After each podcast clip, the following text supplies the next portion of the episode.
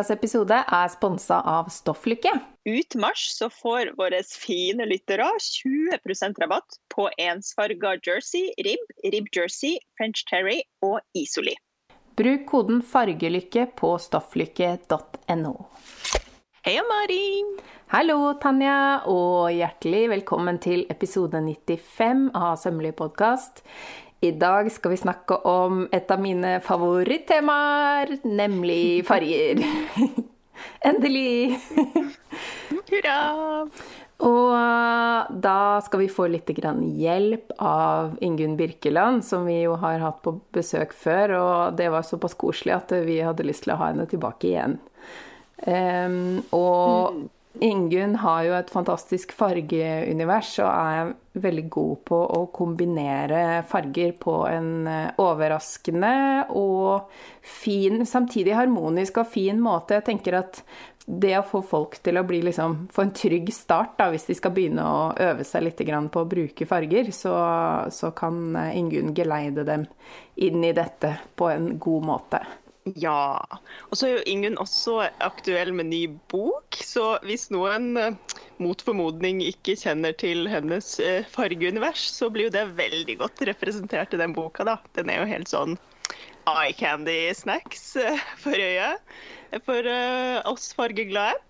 Så hjertelig velkommen skal du være, Ingunn. Hjertelig velkommen tilbake, faktisk. Hallo. Tusen takk. Det er så hyggelig å få komme tilbake. Ja. Og gratulerer med en aldeles nydelig bok.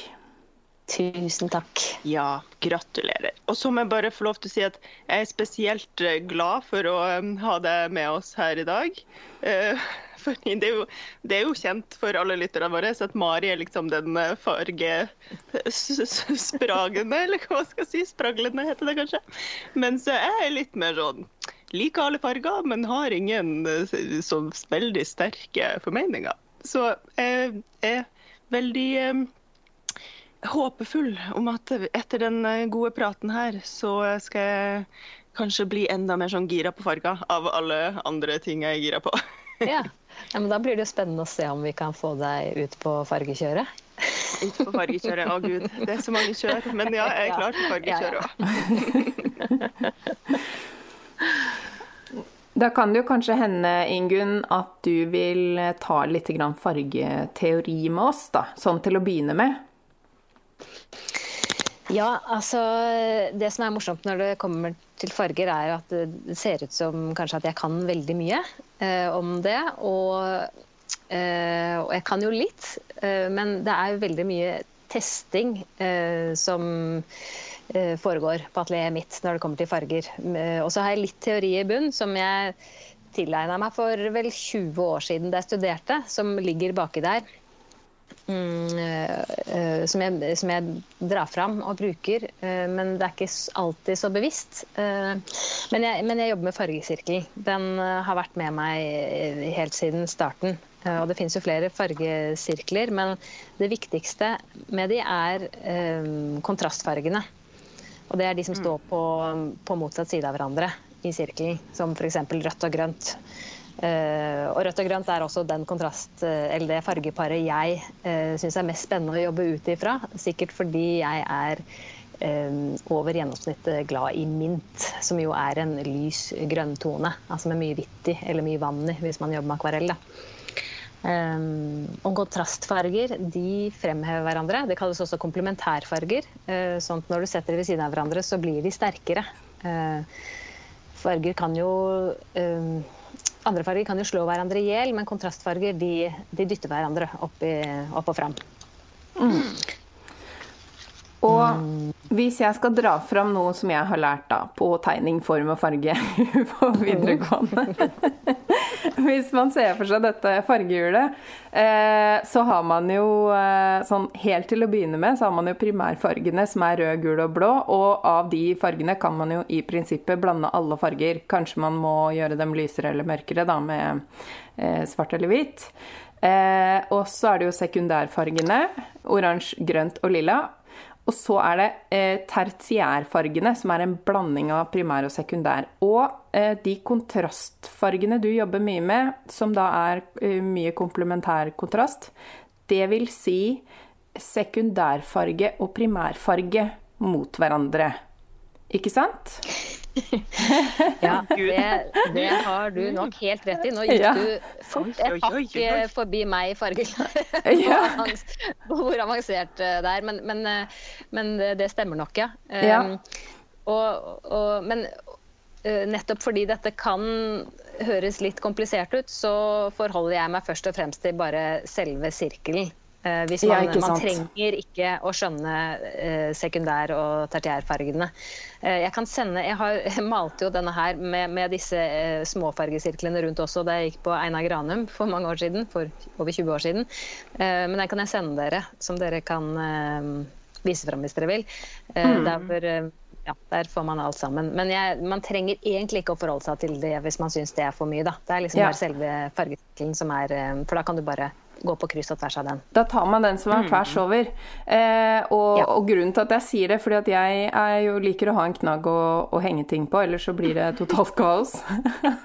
da, fordi det som ligger i bunn, det som du har fortalt til oss i hvert fall, er at veldig ofte så er det jo en eller annen nyanse av disse her komplementære eh, kontrastene. Og for alle som har hatt litt fargelære, kanskje det her kommer tilbake hvis vi sier det, at de som er liksom de kjente tre kontrastene, er jo gul, lilla, rød, grønn, oransje, blå. Mm. Mm. Eh, kanskje det ringer noen bjeller hos noen som har vært borti fargelære en eller annen gang. Og hvis man da begynner å studere eh, ting man liker som har litt kontrast i seg, kanskje man klarer da å gjenkjenne de eh, nyanser av de her kontrastene. Ja. Mm -hmm. Ja, for det er mye bruk. Bare se på trafikklys, f.eks. Rødt og grønt. Det tror jeg blir sett på som den sterkeste kontrasten. Eh, eh, svart og rødt er visstnok enda hardere og er mye brukt i sånn propagandaplakater og sånn. Eh, men rødt og grønt er rett og slett trafikklys. ikke sant? Der skal du ha stor forskjell på når det er lov og ikke lov å kjøre eller gå over mm. veien. Mm. Så kontrastfarger benyttes jo uh, bevisst til å signalisere ting rundt omkring i samfunnet. Mm. Ja. Eh, og det som du er så god til, er jo å få disse kontrastfargene til å ikke se ut som kontrastfarger. Fordi eh, det er jo det som er greia, ikke sant. Hvis du bare går med gul og lilla sammen, eller rød og grønn, så blir det jo fort litt sånn eh, voldsomt.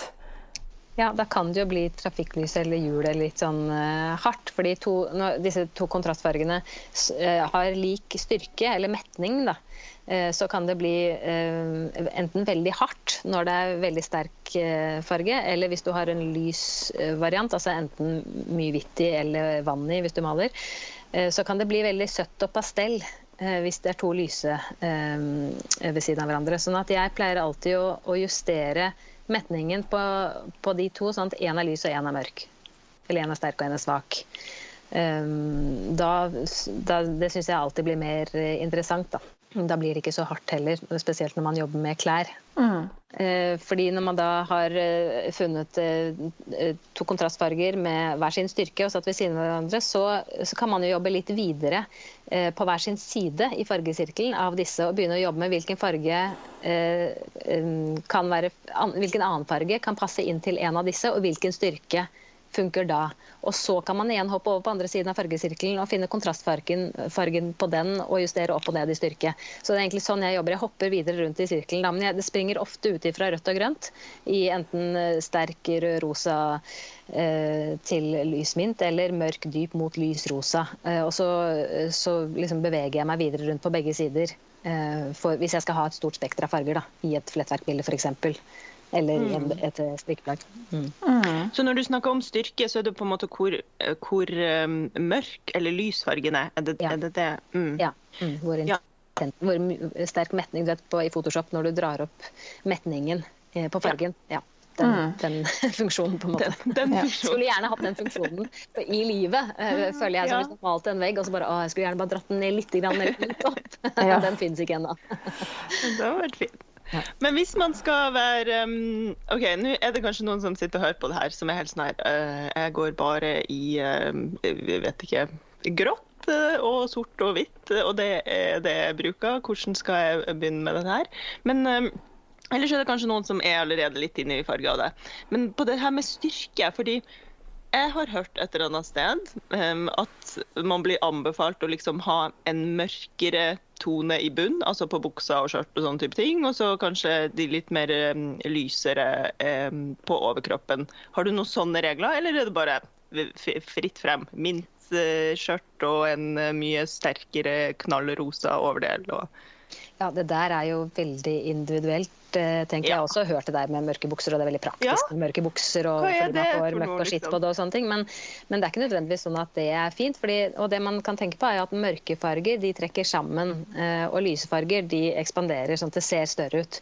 Sånn at mm. hvis man har Og man er jo forskjellig på, har jo forskjellige kropper, og hvor man er stor og liten på kroppen varierer jo fra menneske til menneske. Men det man kan vite da, er jo at lyse farger gjør at ting ser større, større ut. sånn at Hvis man da eh, har et stort skulderparti f.eks., så vil en lys genser eh, ikke gjøre dette mindre. Um, mm. ja, så, så, sånn kan man jo bruke farger til å eh, fremheve det man har lyst til å fremheve. Ja. Mm. Så, så, jeg og nei, jeg har ikke noen regler. Altså, man, man, alle må ta utgangspunkt i seg selv. Mm. Ja. Mm. Godt utgangspunkt. Ja.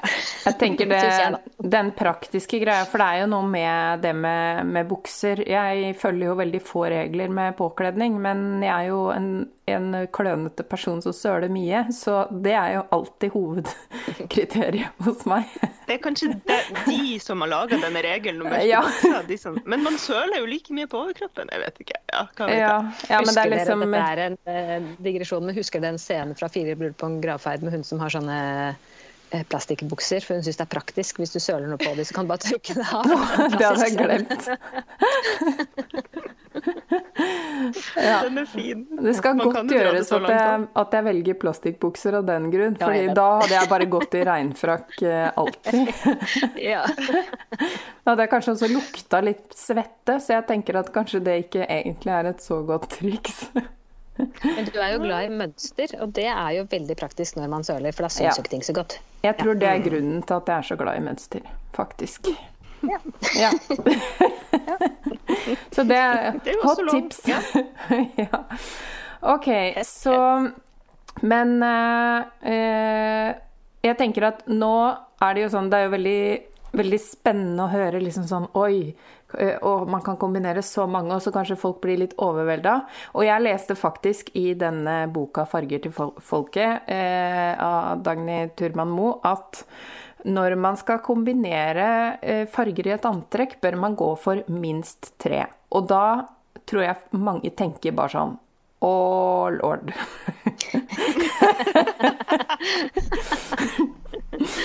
Eh, for det er jo eh, For noen er jo tre veldig mange. Jeg er veldig med på det, fordi da oppleves det som en helhetlig palett. ikke sant? Med en gang det er to, så kan det bli litt sånn matchy-matchy. At det er sånn eh, røde sko, rødt belte, rød øredobber-typ.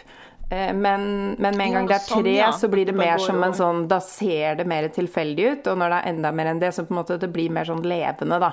Eh, og da kan mm. nok folk som ikke går med så mye farger ellers, bli overvelda. Eh, men så tenker jeg at Unnskyld, ja. kan jeg bare skyte inn her nå i forhold til å bli overvelda? For jeg kjente jeg ble overvelda. Ja, ja, nettopp. Fordi jeg har aldri på meg så mange plagg, tenker jeg. Nei. Eller da må jeg jo ty til print, hvis du skjønner. Ja, ja. Uh, for å få inn så mange farger. Jeg har bare bukse over det. Det var der jeg kom, tenkte jeg skulle komme med dette innspillet, da.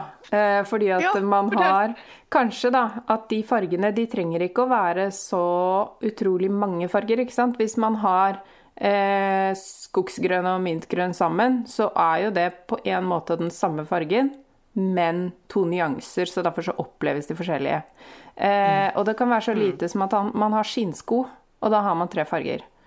Ja. Eh, ikke sant, skoene er med, det er greit. Ja, det, ja så det, det, er liksom ikke snakk om sånn at du må ha masse plagg. Faktisk må jeg ha en liten vest.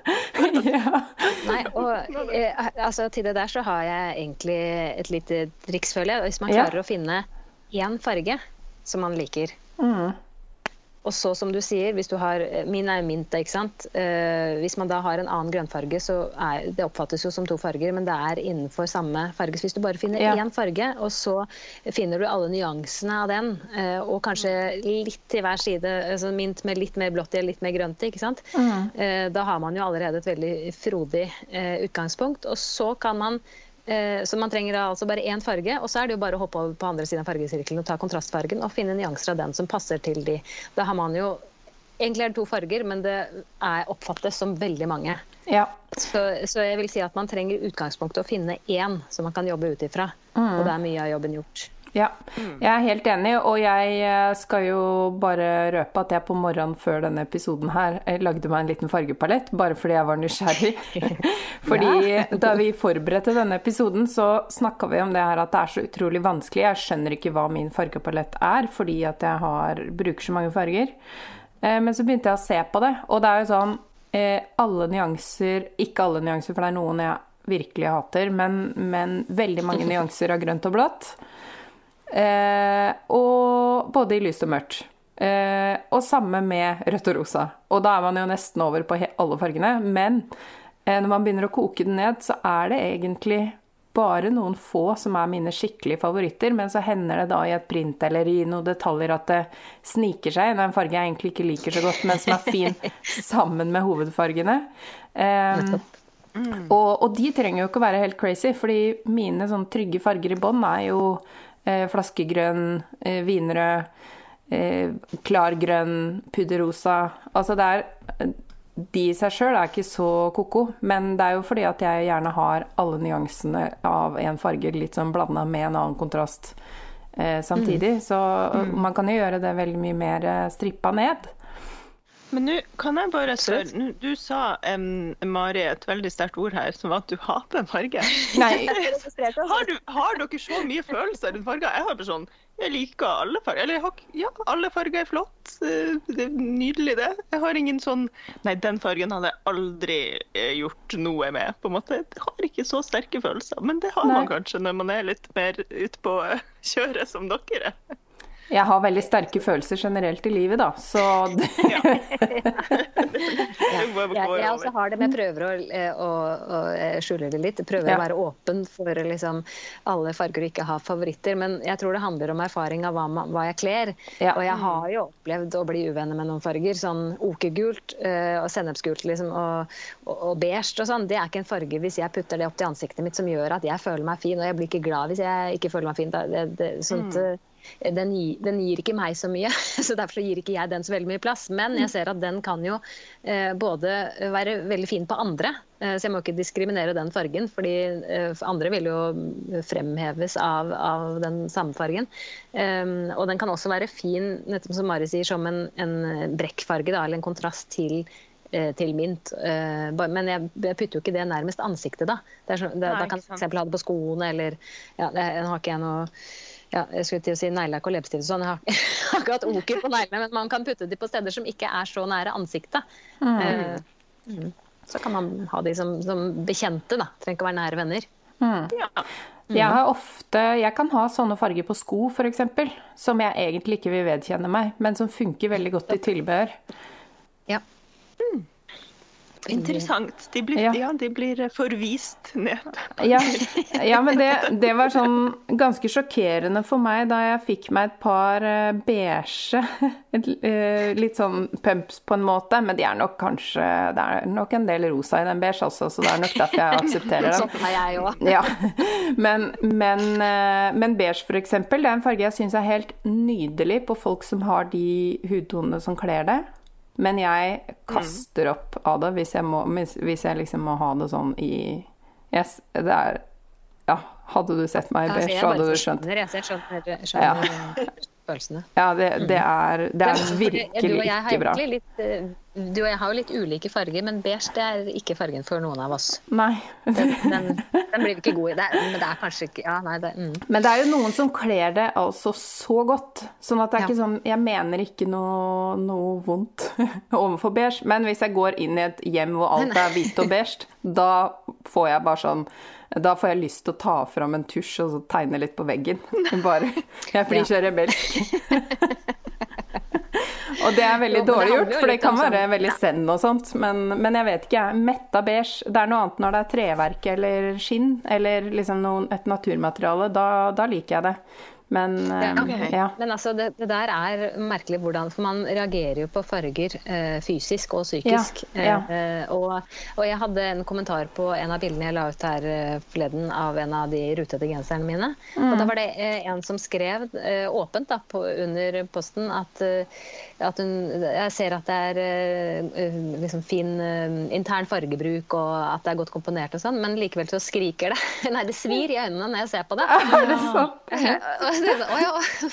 Eh, og, men, og det kan jo være flere ting. ikke sant? Det kan være at det er for sterke kontraster eh, for henne å se på. Men det kan også være selve rutemønsteret. Altså sånne eh, altså det optiske bedraget eller sånt, det som skjer med mønster, altså sort-hvitt-mønster og sånn, kan jo være veldig ubehagelig. Eh, det kan Ja, vel at det begynner å bevege seg og sånn, sånn. kan det ikke det? Altså, Ja, ja. eh, det er mye som kan forstyrre, og det er jo ulikt hvor sensitiv man er på sånne ting. sånn at Ja. Eh, sånn at noen trenger kanskje rett og slett å ha det beige og lyst rundt seg for å føle ro. Da.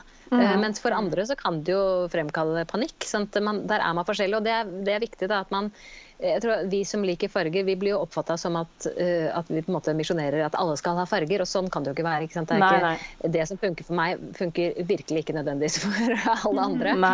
Eh, Sånn det, um, så det er ikke meningen. Det er jo bare bruk farger hvis det får deg til å føle deg bra eller ha det fint i omgivelsene dine. Men um, det, det er veldig ulikt, og det er interessant når man først går inn uh, og snakker med folk uh, og hører på dette, hvordan man opplever farger. da. Mm. Og, Ja. og når det er sagt, så må jeg si at jeg beundrer jo sånne folk som har sånn veldig sånn stilrent, hvor alt er liksom sånn nyanser av de samme tingene, og, og fordi det, det ser veldig pent ut, ikke sant, når folk har den derre sånn det der veldig reine. Det er bare det at jeg vet at om fem minutter så, så kommer det til å komme en kaffekopp nedover den uh, lyse kåpa. så jeg, Så da må jeg du tror bare tusje litt over den først. sånn at det ikke ja, jeg tror bare at det gjør meg veldig nervøs. Uh, når ting er for cleant, så blir jeg bare sånn Ja. oh, nå må jeg ikke drite meg ut. Eh, så, så det er nok eh, det er, Trigger? Triggerfarge, Mari? Ja, jeg tror det, jeg tror det trigger den der kaotiske personen inni meg som jeg alltid har prøvd å holde litt i sjakk. Som jeg nå har, vet jeg jo at det, øh, hva det betyr, men jeg har jo alltid følt at jeg var litt for mye, ikke sant. Eh, og den, jeg tror at det vekkes, da. Hvis jeg er Nå skal vi jo snakke først og fremst eh, om klær, men det er liksom noe med Hvis jeg Jeg tør ikke å sitte og drikke kaffe ved, noe, ved siden av noens nydelige eh, lyse garderobe. Altså, jeg sa sørt rødvin. Jeg sørte rødvin nedover det nydelige hvite antrekket til eh, verksmesteren på skolen på den første festen vi hadde på KIO. Var det Anna-Beth? Det var Anna-Beth. Ja. Ja, jeg var, jeg var så skamfull.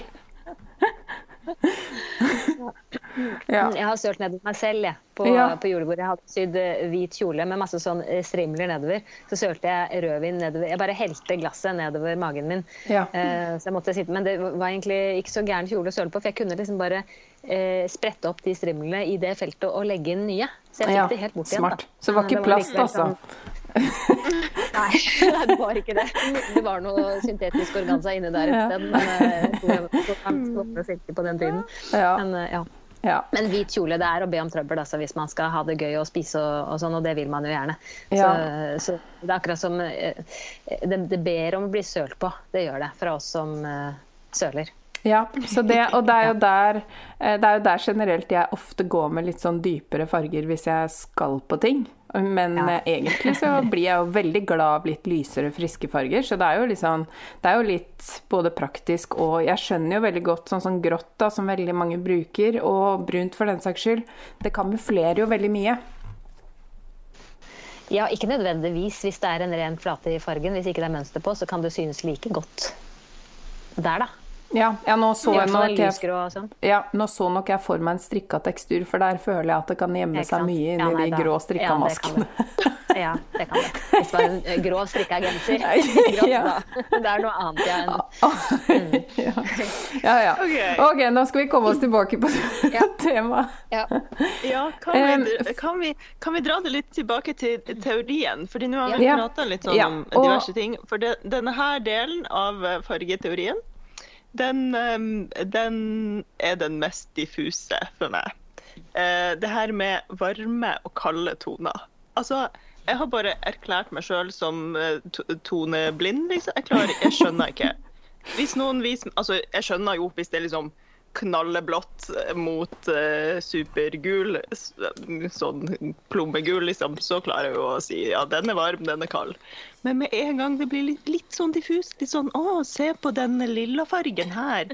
Er den varm eller kald? Uh, jeg har ikke peiling. Aner ikke, liksom. Nei, og det er jo, der kan man jo synes forskjellig også. Eh, men det er jo nettopp det hvor mye f.eks. gult har en farge i seg, eller blått i seg. Og det tror jeg man bare rett må trene litt på å se. Kanskje sette det inn til andre farger for å få en kontrast. Mm. Eh, men, eh, men jeg får lyst til å si, er det så farlig da, egentlig? Om man vet om det er kald eller varm, så ja, lenge man liker det eller ikke. Mitt. Er det så farlig? Det er ikke Nei, så farlig. Det, det viktigste er hold fargen opp til ansiktet ditt. Eh, og hvis du, føler, hvis du blir, blir glad, si, da er det som regel fordi du føler deg fin i det. Eh, og da funker det, tenker jeg. Mm. Så, eh, så Der stoler jo ikke jeg på meg sjøl igjen, da, fordi jeg blir jo glad. Nei, men du, sånn. da, jeg, jeg, kom på et uh, eksperiment som jeg gjorde, som jeg, jeg, vet ikke om jeg har fortalt dere om før. Men um, da jeg gikk på Kunst- og håndverksskolen og tok hovedfag, så uh, gjorde, da skrev jeg om farger litt. Grann. Og jeg gjorde også et eksperiment uh, med de fem modellene som jeg brukte inni antrekkene mine. Eh, for å, for å, øve meg på nettopp det når jeg skulle ha kunder senere. Hvordan skal jeg klare å finne farger? For jeg vet jo hva jeg selv liker, men faren er at man putter det man liker selv over på kundene sine, og det funker jo kanskje ikke så bra alltid, da. Hvis, mm. Bortsett fra de som tilfeldigvis liker de samme fargene eller kler de samme fargene. Men for å um, øve litt på dette, så gjorde jeg et eksperiment som var inspirert av um, Johannes Itten, som var lærer ved Bauhaus-skolen. Eh, for han gjorde det da med sine studenter, et eksperiment der hvor de fikk eh, male abstrakte malerier eh, med farger som de selv syntes var harmoniske. Dette var på 1920-tallet. Og de akvarellene som kom fram da Det er morsomt, for jeg leste det her er en bok hvor det er bilde av studentene med sine akvareller ved siden av. Og det er veldig tydelig hvem som har lagd hva. Eh, Eh, de som har liksom sarte, lyse toner eh, og lett eh, bølgete hår, har liksom de lyse pastellene som liksom svever litt over hverandre, mens de som har sterke øyenbryn og mørkt hår og litt sånn sterkere trekk i, i ansiktet, de har mørkere eh, kanskje bredere strøk, og det er kraftfullt også i maleriene deres. Um, og så har de da dratt ut liksom, eh, lagde sånn, Satt opp firkanter med disse fargene ved siden av akvarellen igjen. og da ser man jo liksom, og det, det, ligger jo mye der hva man kler også, for det er utgangspunkt i en selv. Uh, han snakket mye om farger er subjektivt. Subjektive farger. Um, så ut fra dette så uh, gjorde jeg et eksperiment med mine fem modeller, um, som var venninner av meg. Uh, hvor jeg hadde funnet Og da brukte jeg sånne Det beste jeg vet, er å gå inn på sånne malebutikker og plukke sånne prøver. Mm, fargeprøver. Og jeg har, sånn, jeg har, så mange bunker med sånne. Jeg tror til slutt at jeg ble litt uglesett på noen matbutikker fordi jeg tok med så mange. Men, men, men jeg plukka i hvert fall med meg en haug med disse her og, og klippet opp i, mindre biter, i små kvadrater. I fem like store uh, hauger med de samme fargene i. Eller vil si ti hauger, faktisk. Fordi det jeg gjorde, var at jeg uh, fikk hver, brukte én dag på hver. Satt dem i et rom hvor det ikke var så mye farger. Og så fikk de de samme bitene som jeg satt i et annet rom med. Jeg hadde tilsvarende farger. Og så måtte vi skulle jeg sette opp de fargene som jeg mente at de kledde. Og så skulle de sitte inne hos seg og, og velge de fargene de likte og mente at de selv kledde. Og etterpå så sammenligna vi disse palettene. Og det var faktisk veldig mange av de samme fargene som gikk igjen. Kanskje det, liksom, eh, at det var litt flere eller færre på min eller deres, men mange av fargene gikk igjen. Så vi hadde ganske felles forståelse for hva Eh, de kledde. Eh, som jo var veldig heldig for meg, da. var det jeg håpet å finne ut av for senere. Men, ja. men, dette er jo noe man kan gjøre også hvis man er usikker på det med farger. Eh, få en venn som også syns dette er spennende, så kan du utføre eksperimenter på hverandre. Og man kan jo male disse fargene hvis man ikke gidder å gå og finne biter. Det er flere måter å, å plukke ut farger på. Eh, men at man setter seg ned og prøver å tenke ut hva man selv kler, og at en annen gjør det samme, så kan dere bytte på. Mm. Og så sammenligne etterpå. Det kan jo være et godt sted å starte da, for de som er usikre på mm. hva man liker og hva man kler. Kjempelurt. Og det kan man jo gjøre med stoffprøver også. Hvis man har eh, masse stoffer og bare sånn 'Å, jeg vet ikke hvor jeg skal begynne', så kan man jo gå sammen med en venn og ta med seg noen stoffer man er usikker på begge to, og så eh, kikke litt på det sammen. Det er jo veldig mange mm. måter å gjøre det på, men det var jo et megatips. Ja, men det som er litt lurt også, er, eller det er viktig å huske på, øh, for det skrev jeg litt om at det kan jo hende at disse palettene hadde blitt annerledes hvis vi hadde fått et spekter av farger som ikke jeg hadde valgt ut. Jeg prøvde da å ta med alle mulige farger, også farger jeg ikke likte i dette her, mm. fordi man blir jo litt styrt av det. Ja. Så det, det, kan være lurt å ta utgangspunkt i en type sånn vifte eller et eller annet, at man, eller i hvert fall passe på å ta med farger som man også eh, ikke liker, eh, sånn når man skal velge ut de fargene man skal velge ut ifra eh, ja. i første runde. Det er sant. Ja. Mm. Kjempelurt. Men det her med sub, altså at farger er subjektivt, det er, kanskje, det er, vel kanskje, der jeg står. Det er min parole i fargetoget. Ja, bra. fordi, fordi, ja, altså jeg, jeg, har jo, jeg, har jo, fått en sånn fargeanalyse. Det vet det jeg tror jeg lytterne våre har fått høre om, eh, så vidt jeg husker. Og da fikk jo jeg en liten sånn Det var ikke de fargene jeg vanligvis strekker meg til, som um, denne personen mente kledde meg. Og det er for så vidt helt greit, det. Og det, egentlig så syns jeg det var litt spennende, for det åpna litt sånn øynene mine opp for å ja, hvorfor strekker jeg meg egentlig aldri etter lilla, på en måte. Jeg har ikke noe imot den fargen, men jeg bare tar den aldri på kroppen, liksom. Um, så det var egentlig litt gøy, da. Å bare få liksom, bli enda litt mer åpen for farger. Men så tenker jeg òg, ja ja, hva det er jo sikkert mange der ute som kan tro både det ene og det andre. At man kler én farge og ikke den andre fordi de liker den fargen eller ikke. Men, men hva jeg kler, det, ja, det er jo igjen veldig subjektivt. Jeg syns det blir for sånn Det blir for uh, ute i lufta og subjektivt hele greia. Hva man kler og ikke kler, og hva, hva du syns jeg kler og hva jeg syns jeg kler, kan jo være veldig forskjellig. Ja. Og det... så kan man jo også bare erkjenne at farger ikke er så viktig for en. Og du Tanja er jo veldig opptatt av noe annet som, eh, som er viktig, eh, tenker jeg, og det er jo kvalitet. Eh, både på materialer og passform og detaljer. Og jeg mener Hvis man har et skreddersydd plagg i et godt materiale som sitter godt på kroppen, eh, altså da kan jeg finne på å ta på meg ganske mange rare farger som jeg ikke vanligvis bruker, jeg også. Sånt, mm. eh, sånt, og da, da kanskje det teller, ja, ja og, det, og, det, er ikke sånn altså, eh, hvis det, det er antagelig viktigere for deg enn fargen. Uh, og da er jo det helt greit, tenker jeg. Da er det ikke så farlig. Og egentlig så er det jo eh, mye lettere for deg, for da kan jo du også i utgangspunktet ta på deg hva som helst og føle deg fin. Men sånn som Mari og jeg, vi sliter jo hvis vi må gå i feil farge. sånn at uh, du har jo en enklere jobb når du skal kle på deg enn det vi har. Så nyt det, tenker jeg. Å, det skal jeg gjøre, Gud.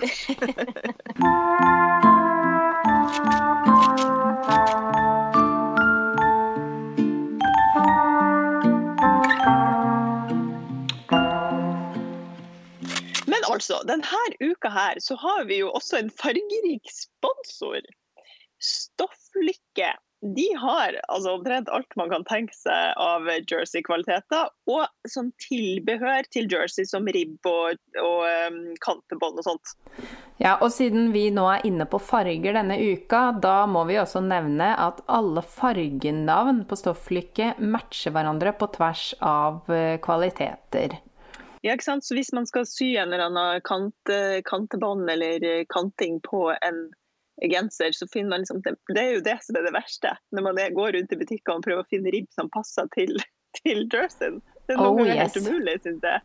Ja. Ah, spesielt hvitt og sort syns jeg er vanskelig. fordi det blir liksom litt gulere hvitfarge enn den de har inne. Bare, ah, men her slipper dere å plages og rive dere i håret. Her er alt fiksa ferdig.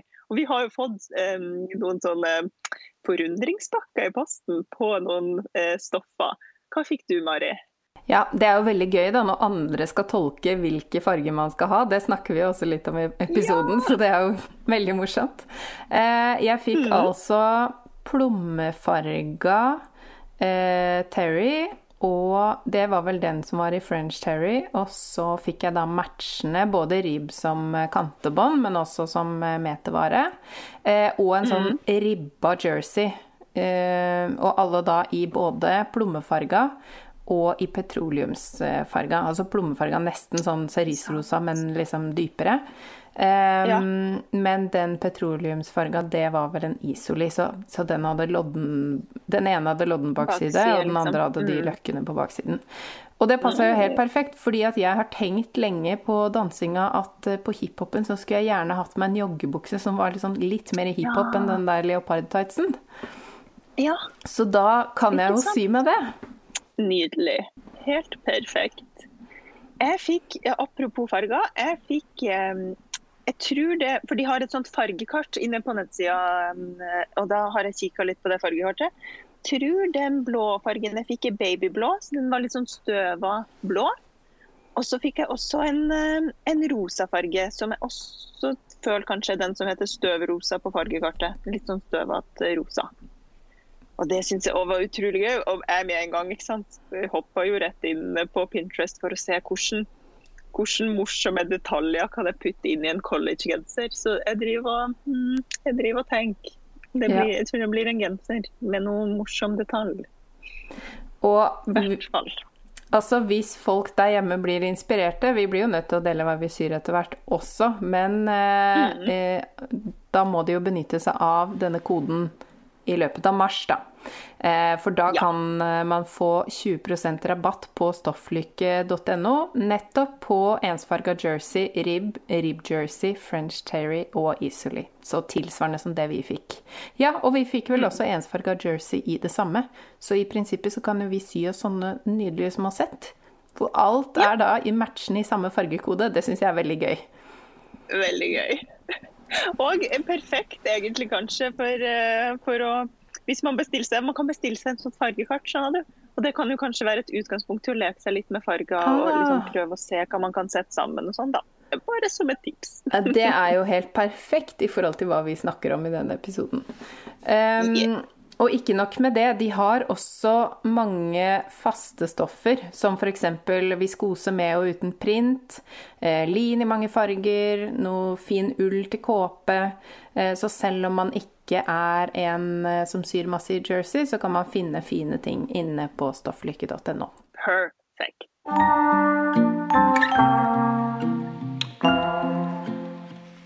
Ok, men Ingunn. Eh, nå har vi snakka litt om hvordan finne din fargepalett. At denne øvelsen med en venn eh, er jo veldig fin å kunne plukke. Men så er det jo en del teorier sant, rundt eh, øyenfarge, hudfarge, og så er det jo de her årstidene. Og jeg leste akkurat i denne 'Farv deg vakker' fra min barndom, som, som jeg har tatt med meg fra mammas bokhylle.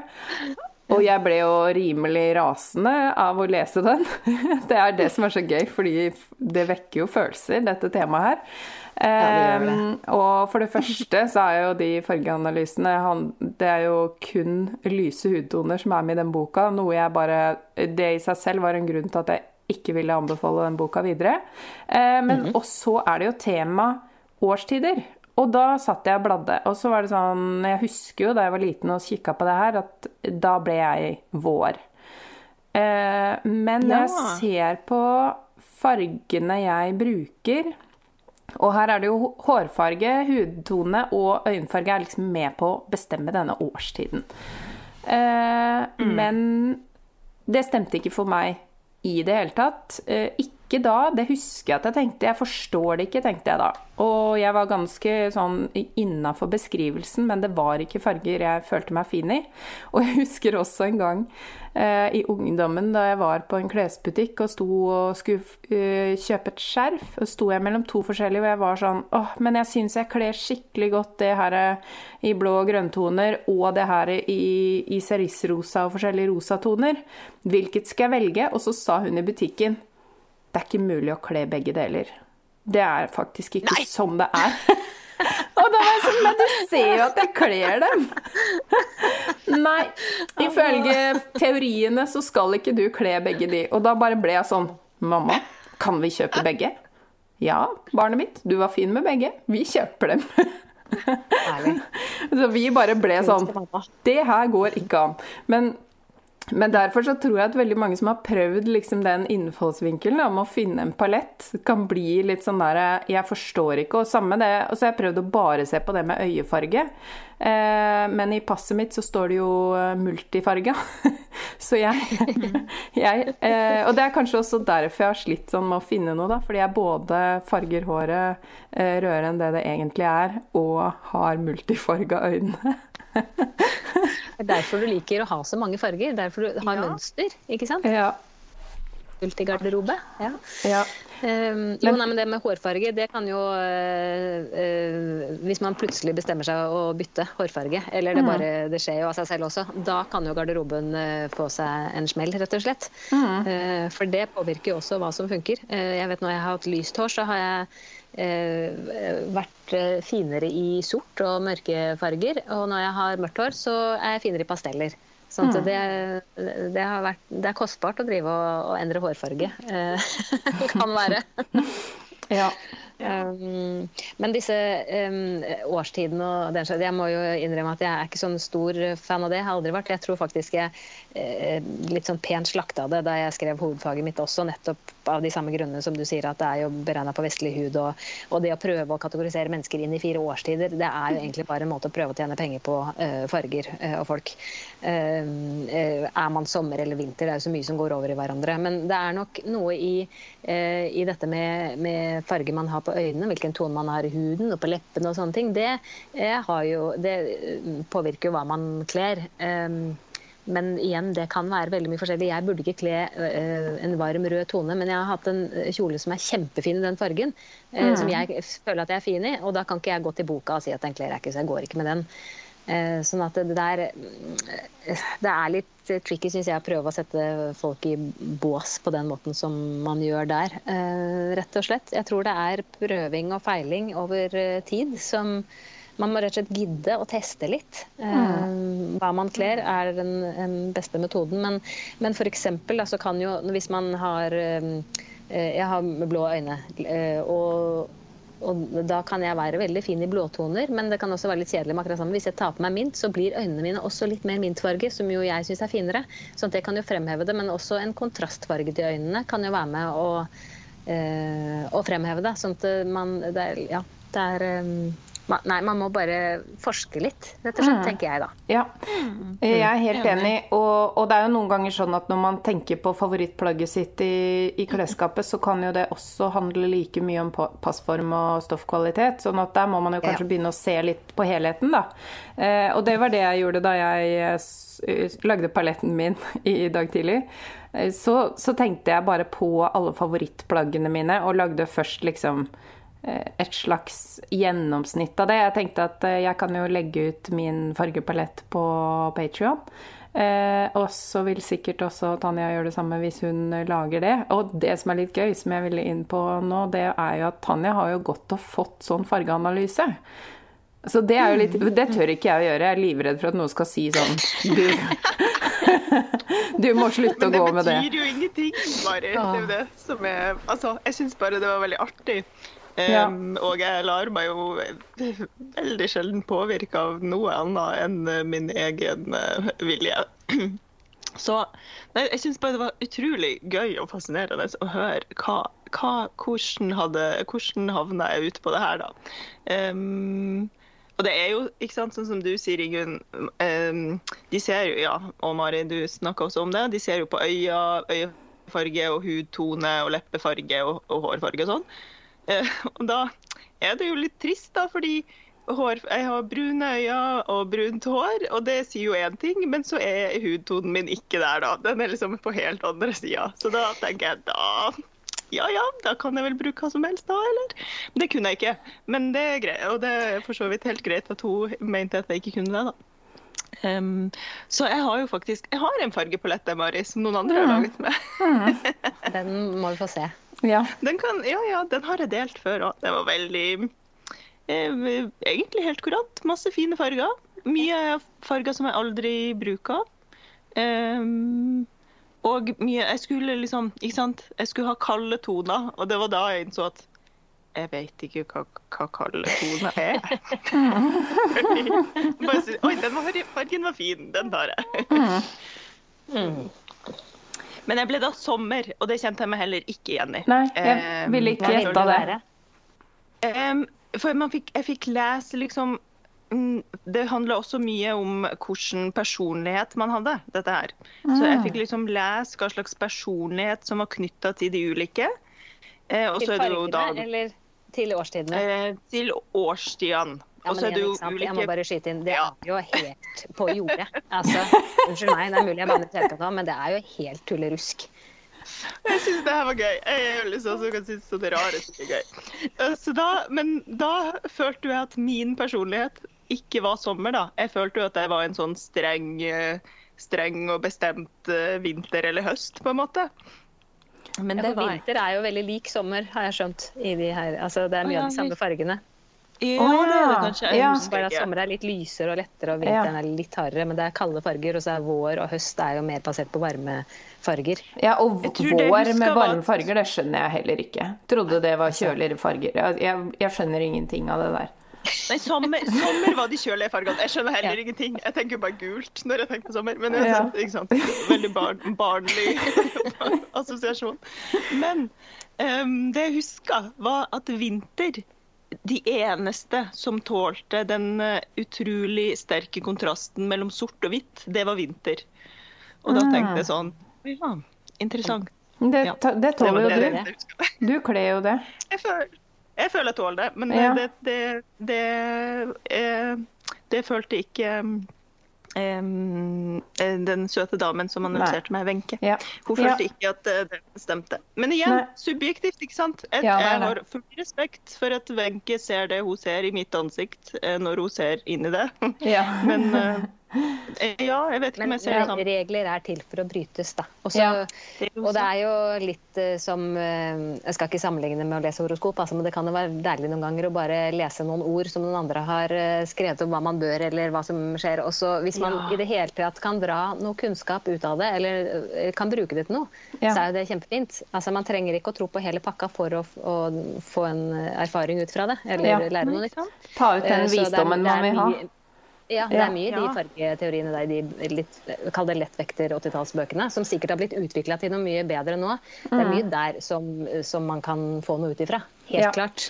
Men man må bare ta, ha, ta det litt med en klype salt, og så bruke det man eh, kjenner snakker til seg, da. Eh, Og så tenker sjæl resten av veien. Ja. Mm, det tenker jeg òg. Ja. Og det som var litt gøy i denne Farv deg vakker, var at det var sånn der, eh, noen skjemaer for å telle opp klærne i garderoben din i vin eh, for vintertøy og sommertøy, og finne ut hvor mye du har og hvilke hull du skal fylle og, og sånn. Så det var litt der. Den er jo fin, da. jeg, Den delen skal jeg kikke litt mer grundig på, for dette her gikk jo veldig kjapt. Jeg har jo både sett i den boka og laget en fargepalett på morgenen i dag, så det var jo Jeg laget, leste ikke så grundig, men, eh, men det var jo fargen som var viktig nå. Og, og så er det jo noe med Jeg tenker at hvis man ikke har så Altså hvis man skal få en slags innføring i det å gå med farger i det hele tatt, hvis man egentlig ikke helt tør å bruke farger, så er det sikkert veldig godt at en som er eh, ganske god på hele dette her eh, fargeanalysegreiene, kan se på det og hjelpe deg i gang, liksom sånn ifølge disse teoriene, så bør du kunne gå med disse her. Og så kan man jo kjenne på hvordan føler jeg det med det her. Og det, man ta, kan jo bare låne en rød genser av en venninne en dag for å kjenne etter. Man må jo ikke liksom eh, bytte ut hele garderoben. Eh, helst ikke gjør det, men Men på en måte ta litt sånn testrunder da, med forskjellige ting. Og det kan jo kanskje være sånn generelt for å finne palett om man går til sånn analyse eller ikke. Eh, bytt litt klær med venner som, som hvis en venn sier 'Å, jeg syns du er så fin med grønn, kan ikke jeg få se deg i grønn?' Eller, eller hvis du har hørt det før, at noen har foreslått det, så kan du si 'Ja, kan jeg låne en grønn genser av deg?' Ja, og så er det en som ting som er viktig når man skal teste farger og sånn, og det er å gjøre det i godt lys, eh, gjerne Ja. dagslys. Fordi det der eh, lysstoffrør, gule butikkprøveromslyset eller hva man har inne selv på kvelden, det kan gi veldig feil oppfatning, da. Eh, Sånn at prøv det i godt lys og ja, hvis man er en person som bruker eh, sminke, så kan det være lurt å liksom ha på seg det man pleier å ha på når man skal prøve farger og klær også. fordi at det kan eh, Ja, det, da får man et riktigere helhetsbilde Ja. av det. Veldig sant. Og også hvis du føler deg litt sånn sliten og pjusk, så er det kanskje ikke tidspunktet for å vurdere om du kler en farge. For det Jeg skulle velge stoff i, i går til en, en annen episode, og jeg har jo nettopp hatt omgangssyke. så jeg sto og så meg i speilet og var bare sånn Jeg forstår ikke hva jeg kan ha. Jeg tok noe med print, da, selvfølgelig. Men, men, eh, men det er noe med liksom dagsformen, at det er dagslys, at du liksom er litt sånn eh, i, i farta når du gjør det. Ikke Du må liksom være klar. Ja. Ja. Og sette deg litt tid. Ja. Ja. Um, men hvis man syns at farger er skummelt, eh, og vil bytte ut litt grann av de svarte eller grå klærne sine, eller en eller annen farge man har veldig mye av, eh, har du noen tips der? Altså, hvis man er en person som liker å gå mye i svart, for det er det jo mange som er. Jeg hadde jo en lang periode med bare svarte klær. Eh, Ja. for det, og det var jo veldig lett også. Til jeg begynte å lese om farger, da skjønte jeg at de, det, for meg så ga det ikke så mye. Eller jeg kan bruke svart, men da må jeg det må være veldig eh, altså, flotte klær. da, Skreddersydde og fine og detaljerte, og de må sitte godt og sånn. Og gjerne med litt rød leppestift. Det kan stort være kjempefint selv på meg. Men, men etter at jeg begynte å lese om farger, så bytta jeg ut eh, en del. Og jeg gikk jo til veldig altså til lys mint som min base. Men eh, hvis man ikke vil hoppe så langt om gangen, så kan man jo ta Hvis man tilbake til fargesirkelen finner den fargen som man trekkes mot og liker, og så tar man en veldig dyp eh, nyanse av den. Uh, Istedenfor å gå for en knæsj farge. Altså det bare er en dyp, dyp grønn f.eks. istedenfor sort. Eh, og se hva det gjør, da. Eh, at man starter litt forsiktig der. Eller hvis man går mye i hvite T-skjorter, sånn, start med lys rosa, lys peach, mint, lys gul om sommeren, limonadefarger. Eh, bare gjør et lite brekk istedenfor å hoppe rett på sånn knall rød kjole. Ja, enig.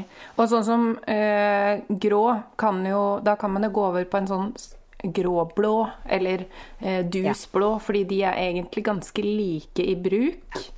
Men med en gang så får man liksom en liten sånn hvis man har blå øyne, eller hvis man eh, Ja, fordi veldig mange kler blått.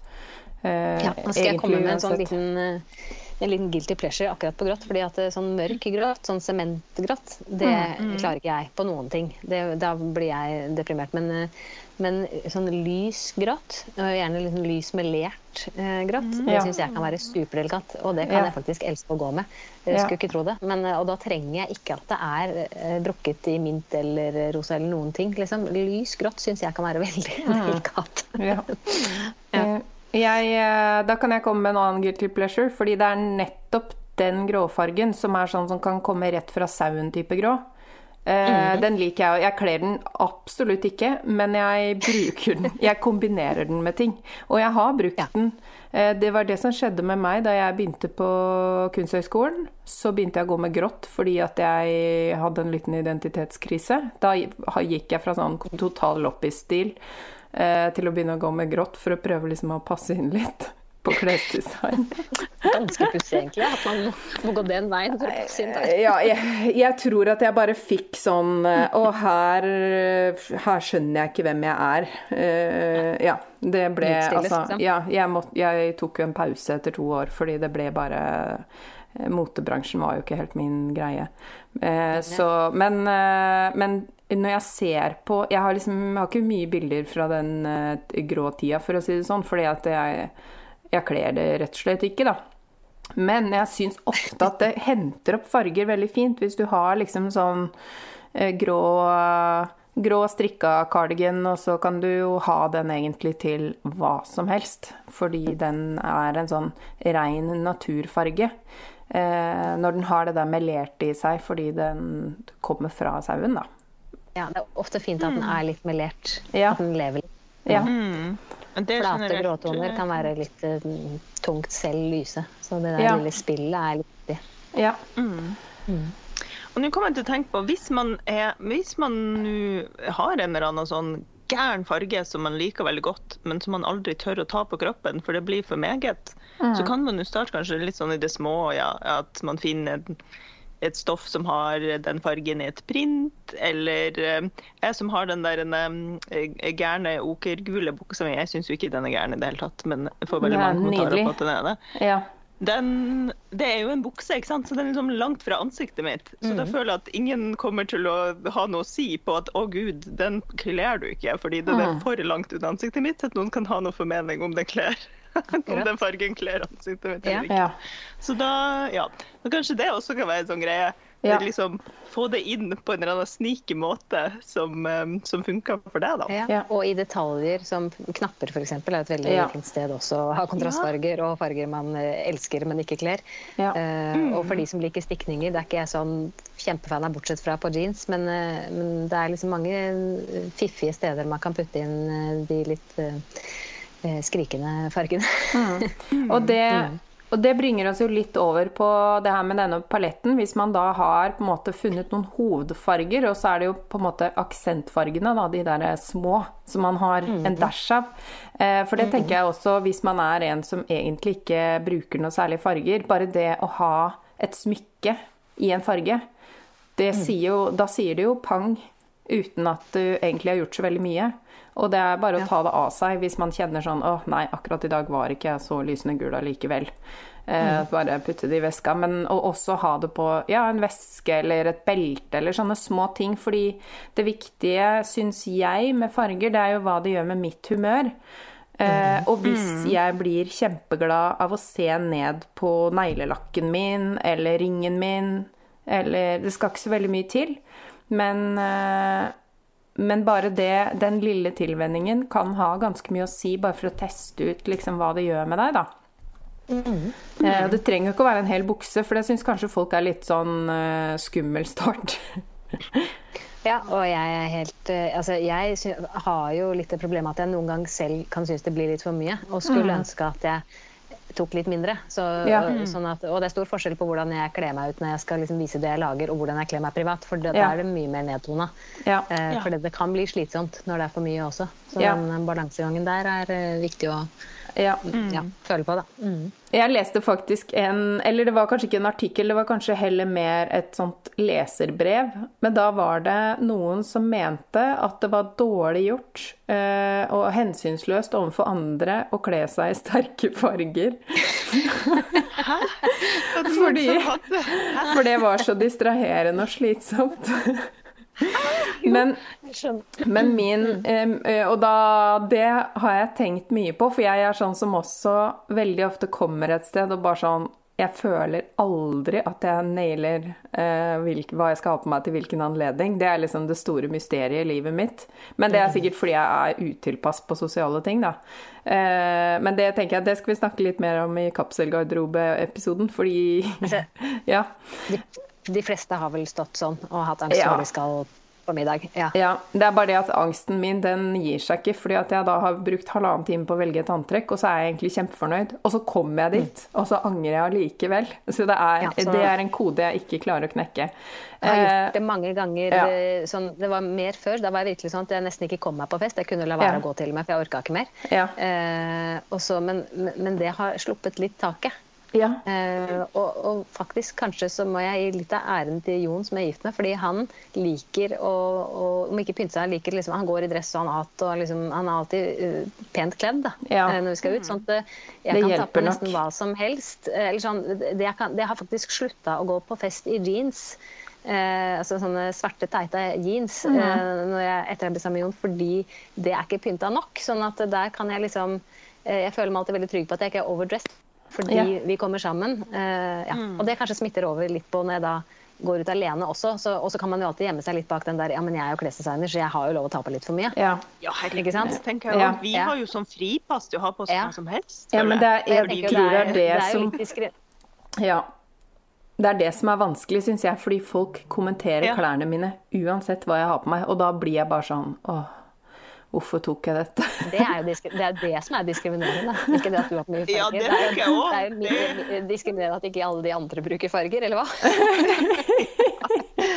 ja, nei, nei, så det, jeg tror mange kan jo sikkert kjenne på det, ikke sant? at de er litt redd for å, å kjenne på den følelsen. Men, men, det hadde jeg følt om jeg hadde hatt på meg ensfarga, eh, en farge på hele meg. Altså jeg hadde følt det nesten uansett, og det kanskje handler om noe annet da enn en, en eh, fargene. Men eh, det jeg egentlig skulle fram til med denne lange digresjonen, det var at dette mennesket da som skrev dette lesebrevet, som ble irritert på folk som gikk med veldig mye busy klær og sterke farger, Eh, jeg tror, med, med, tanke på hvor utrolig mange komplimenter jeg får når jeg går med en kåpe på vinteren, f.eks. For eksempel. Fordi på vinteren så må jeg gå med farge, ellers så blir jeg For jeg blir ganske sånn eh, i kjelleren fra november til februar. Da er jeg ikke jeg helt eh, folk. Så da må jeg gå med farger. Og det er jo utrolig Det er ikke alltid jeg helt tåler det, at folk er sånn wow! roper. Fordi jeg bare sånn Jeg vil egentlig bare være usynlig. Jeg tok på meg denne kåpa for meg selv. Men, men det må man jo bare stå i. Men samtidig, det er jo utrolig hyggelig, for da jo, har jo noen også fått energi av at man hadde en farge eh, som ga dem en liten dose med, med noe, da. Mm. Ja, nei, altså det, Man påvirkes jo, og det er men det har jo med dagsform hva man har lyst til å ta på seg av farger. Men det kan jo gå begge veier. som du sier, Hvis du føler deg dårlig, så kan du også uh, bli glad av at folk gir deg respons. Ja. Uh, andre dager kan det bare være veldig slitsomt, for du vil egentlig bare gå ut og være deg selv. Og så er deg selv mer fargerik enn andre, og så må det poengteres. Og det uh, kan jo være slitsomt. At bare, jeg husker jeg farga håret mitt turkist, eller mintgrønt. da Eh, og jeg gjorde det fordi jeg syns det er pent, ikke fordi jeg ville være så annerledes. Men det ble mm. altså så slitsomt å ha at det måtte jeg slutte med. Altså, det gikk ikke. Jeg klar, orka ikke, fordi jeg følte at jeg utstrålte jeg prøver å være spesiell. Ja. Eh, og det var ikke intensjonen i det hele tatt. Jeg tenkte bare sånn, ja, etter hvert så får jeg jo grått hår, kanskje jeg skal gå for mint i stedet. liksom. Ja. Men eh, det, ble veldig, det, ble for alternativt i forhold til hva jeg ønsker at folk skal oppfatte meg som også. sånn at det, det var gøy å ha prøvd, men det blir, jeg tror jeg har prøvd det. Det er mm. liksom ferdig med det. Og du kan ikke ta det av heller. ikke sant? Det er der hele tiden. Klær kan du jo bytte på, så det er mye lettere. Men akkurat den derre eh, Ja, det gikk ikke helt etter planen min, den hårfarginga der. Det er litt ja, også, men, ja. Ja, ja, det er veldig gjenkjennelig, den uh, følelsen. Jeg skjønner veldig hva du mener. Men farger har jo også eh, altså, Sånn tradisjonsmessig så er jo farger eh, symbolsk er, oppfattes jo også forskjellig i ulike kulturer og ulike land. Og det er jo sånn, i hvert fall før så var det veldig mye fokus på hva man hadde lov å ha på seg i ulike sammenhenger. Eh, og det er jo litt av det samme. Da, man, altså, i, i, i, Norge så er det vanlig å gå i sort i begravelser f.eks. Og du skal ikke gå i rød kjole i bryllup, for da, det betyr at du stikker av med brudgommen. Eller eh, mange sånne ting rundt farger der. Kanskje, ja, øh, nå brytes jo heldigvis dette litt ned, da, sånn at det ikke skal være altså, Oppfatter jeg i hvert fall. At det ikke mm, er like strengt som det var før. Men det kan jo likevel være litt greit å vite vite om fargetradisjoner rundt omkring i verden. Fordi man kan jo, eh, uten å vite det, bryte disse uskrevne reglene eh, når man kommer andre steder. Mm. Jeg vet ikke om det er, jeg tror det er i er det Kina eller India at, at hvitt eh, det er liksom dødens farge der, mens det er jo bryllup her. Altså, mm. Så det kan jo gå riv ruskende galt hvis ja. man ikke passer på. Men eller, ja. det er jo litt interessant da, hva farger også betyr, mm. og hvordan det påvirker følelsene våre bare sånn pga. tradisjoner. Ja. ja. det var det jo voldsomme diskusjoner, diskusjoner, rundt da vi lærte det på skolen. Eh, det ble mm. altså Jeg var så Det var så gøy hvor rasende mm. folk ble når vi snakka om det. Ja, nei, det er eh, Tanja, du sa jo at du ikke ville bruke lilla i stad. Ja, eller at ja. det er ikke det jeg strekker meg mot. Og det er litt sånn ubevisst. ikke sant? Det. Så man har jo noen preferanser som man bare ikke tenker over, kanskje. Ja, og lilla, det er sånn som Jeg forbinder det med to ting. Det er liksom fotformsko 70-tallet, og så er det litt alternativt. Altså ja. litt sånn spåkonefargen. ikke sant? så enkelt som det. Mm. Men lilla er egentlig farge jeg er veldig fin i, så jeg har eh, litt lilla toner innimellom. Men jeg merker at det fremkaller litt den der angsten for å være litt sånn Um, alternativ, liksom. alternativ uh, hulter i skogen. Mm. Uh, men det kommer da, da, kan jeg ta et par uh, neongrønne pumps til, så er det jo ikke det lenger. ikke? Man kan jo mm. påvirke disse tingene. Man har jo mm. virkemidler. Men, men det er Og lys rosa har jo liksom blitt forbundet med altså Jeg var på et foredrag, jeg var på et seminar i Russland en gang hvor det var uh, ulike designere fra nordiske land uh, som skulle holde foredrag. Og så da var det uh, en av deltakerne som Og jeg skulle prate, jeg skulle fortelle om hvordan jeg jobba med klær og farger og sånn, og satt der i en selvstrikka sjokkrosa genser. Og så Hun som da skulle snakke før meg, jeg tror hun var russisk, og hun holdt da et foredrag på engelsk om om farger, og at å komme inn på rosa, at det ble forbundet med sånn overfladiskhet. Useriøst. og så var jeg next liksom til å prate etter henne. jeg satt jo der og blomstra, jeg måtte jo bare le. Ja. Og tok jo tak i det selvfølgelig når jeg skulle prate. Men ja. Uh, ja. Jeg liker jo å rote til dette litt. At uh, jeg elsker rosa. En kjempefin mm. farge. Betyr mer enn enn Barbie. Ja. Mm.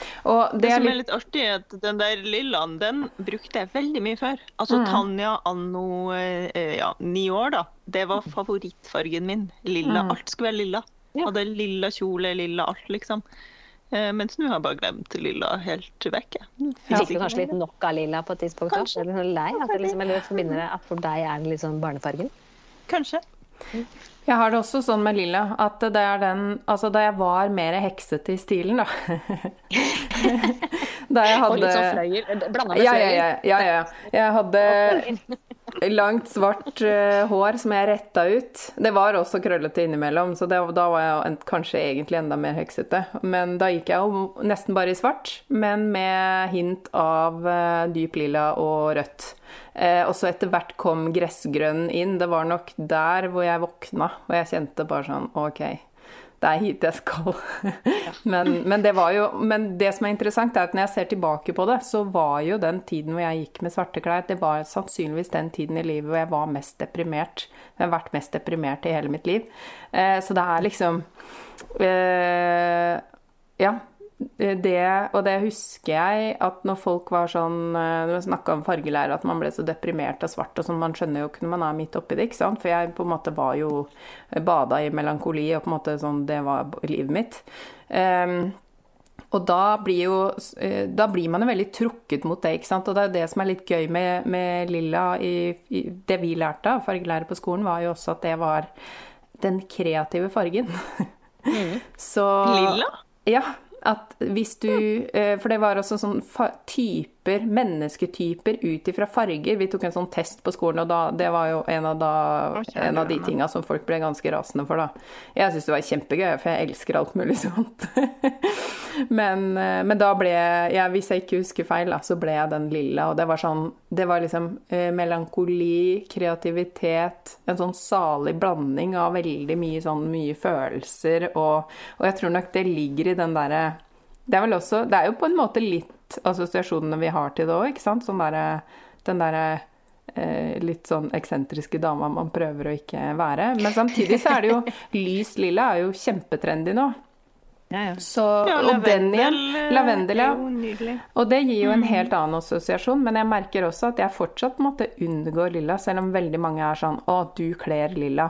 Jeg har på en måte blitt prakka på det veldig mye, jeg, og jeg vet jeg kler det, men jeg brukte det opp. Eh, da jeg var sånn Ja, det var vel i overgangen fra jeg var svarthåra til jeg etter hvert ble rødhåra, da. Mm. Mm. Um, ja, nei, ja. altså Jeg sitter her med en sånn Jeg lagde et skjema da jeg skrev hovedfag på hva farger Eh, ja, både eh, bl.a. kinesisk fargesymbolikk og indisk, eh, og hvordan farger virker på oss i rom fysiologisk og psykisk, og menneskelige egenskaper og uttrykk og sånne ting. Og på, på lilla, på hvordan farger virker på oss i rom fysiologisk og psykisk, så har jeg da skrevet det. Dette er over 20 år siden, altså, så også ta dette med en klype salt. Og det er ikke jeg som har funnet på, jeg har nok lest i en bok, men um, blåfiolett kan gi uro i sinnet, fremme depresjon, nervøsitet og angst, dempe bevegelseslysten, fremme fordypende spirituelle tanker og innadvendt atferd, fremme intuisjon. Ja. Men så står det også på under Goethes oppfattelse av fargenes krefter, så står det på fiolett står det fantasi, filosofi, melankoli, uro og mystikk. Ja. Så, så i lilla er nok en spennende spennende farge. altså ja. sånn begge veier. Ja, ja. Eh, ja, det er veldig gøy. Og, og det, her, det, her, er jo litt som sånne, igjen tilbake til horoskoper, man kan lese farger og uh, disse tingene begge veier. Man kan få det meste ut av alle. Men jeg syns at um, jeg har, Apropos det at jeg liker mint så godt, da, som er en lys grønn, så har, liker jeg å tro at det er fordi at den virker beroligende. Ja. Eh, harmoniserende. Eh, og avbalanserende. Fordi det, jeg har så mange tanker i hodet. Jeg, jo, jeg, føler at jeg er litt i nærheten av deg, Mari, på hva, sånn, hva som foregår på innsiden. Ja. Eh, jeg kan relatere veldig til hva du snakker om, selv om det kanskje er enda mer hos deg. Så, så foregår det mye oppi hodet hele tiden av tanker og planer og ting man har lyst til. Og i tillegg Ja. så har jeg alt dette, dette på utsiden også. I atelieret er bare stappfullt til enhver tid. Sånn at, og det eh, ser jeg hver dag, og forholder meg til hver dag. Så at, eh, jeg tror nok at denne lyse, eh, litt kjølige tonen har en beroligende effekt på meg. Også, for nå vet jeg det jo, så da tenker, legger jeg jo mer i det også. Men, men det er nok en grunn til at den liksom rydder litt opp, da. Fordi hvitt er, kan jo også være eh, kan jo fremkalle angst, altså helt hvite rom. eh, Men, men det kan jo virke veldig ryddig og beroligende. Men mint er liksom min sånn beroligende eh, farge som bare legger et sånt slør over alt kaoset. Mm. Får det til å funke. Ja. Det som er litt gøy, er jo at eh, man tror kanskje at jeg har farger eh, overalt hjemme også, men siden jeg har så mye greier inni meg hele tiden, så er jo nesten alle rommene hos oss er hvite. Men, eh, men vi har jo så mye greier, så det, blir, de oppleves jo ikke som hvite. Men for meg så trenger jeg egentlig de hvite flatene fordi det blir som lerret, da. Eh, eh, men det men jeg er jo helt enig. Det er jo det der når man kommer ut og det, er- himmelen er hvit og det er snø, og da blir man jo helt sånn Klarer omtrent ikke å ha øynene åpne. Så jeg skjønner hvis folk får den følelsen i et Rommet kan ikke være så innmari lyst, liksom, når det er hvitt. men, men den derre man må putte ja. litt annet inn der. Ja. Eh, Men det kan være veldig behagelig. Altså, hvite gallerirom, og altså, henger man opp kunsten. Det er jo veldig behagelig. Jeg Ja. elsker jo det. Ja. OK, damer. Nå har vi jo prata langt og lenge. Lurer på om vi skal prøve å oppsummere det her for de som har hørt på. Eh, på liksom Trekke sammen trådene til hvordan skal vi som har lyst til å introdusere mer farger inni garderoben, hvordan skal vi gå frem? Vi snakka jo bl.a. om å eh, kanskje bare introdusere sånne små drypp til å begynne med.